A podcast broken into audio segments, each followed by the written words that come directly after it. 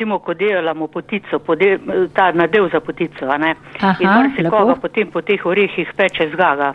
Ja. No, meni je to ena prijateljica pred leti že svetovala, da naj namesto, da damo v nadev mleko, damo navadno Ja. ja. belo vino, da tistega prevremo in damo tistega v nadev namesto mleka. In to Ja. je že zdaj več domi povedal, da je res boljši, da ga potem ne peče zgaga.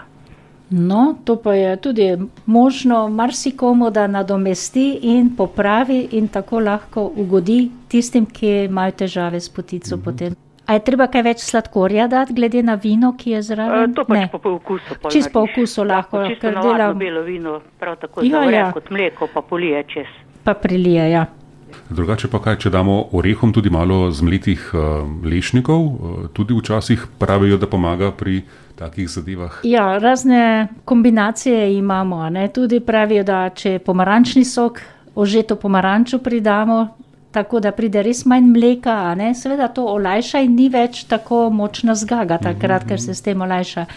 Eni pravi, da treba jih v vrelo mleko zakuha, da jih eh, orehe prevreš, naprimer, na ta način. Ne Vsak vem. ima svoj način. Vsak najbrž. svoj kletek, ja. ker niso vsi enaki, ampak če bi izključili mleko, se pa lahko zgodi, ker zlasti mleko dela težave tem, ki nimajo kisline. a ne. Ja, in je treba z vinom, tako da bi rekla, da je to skoraj veliko bolj sigurno ali pa stoprocentno.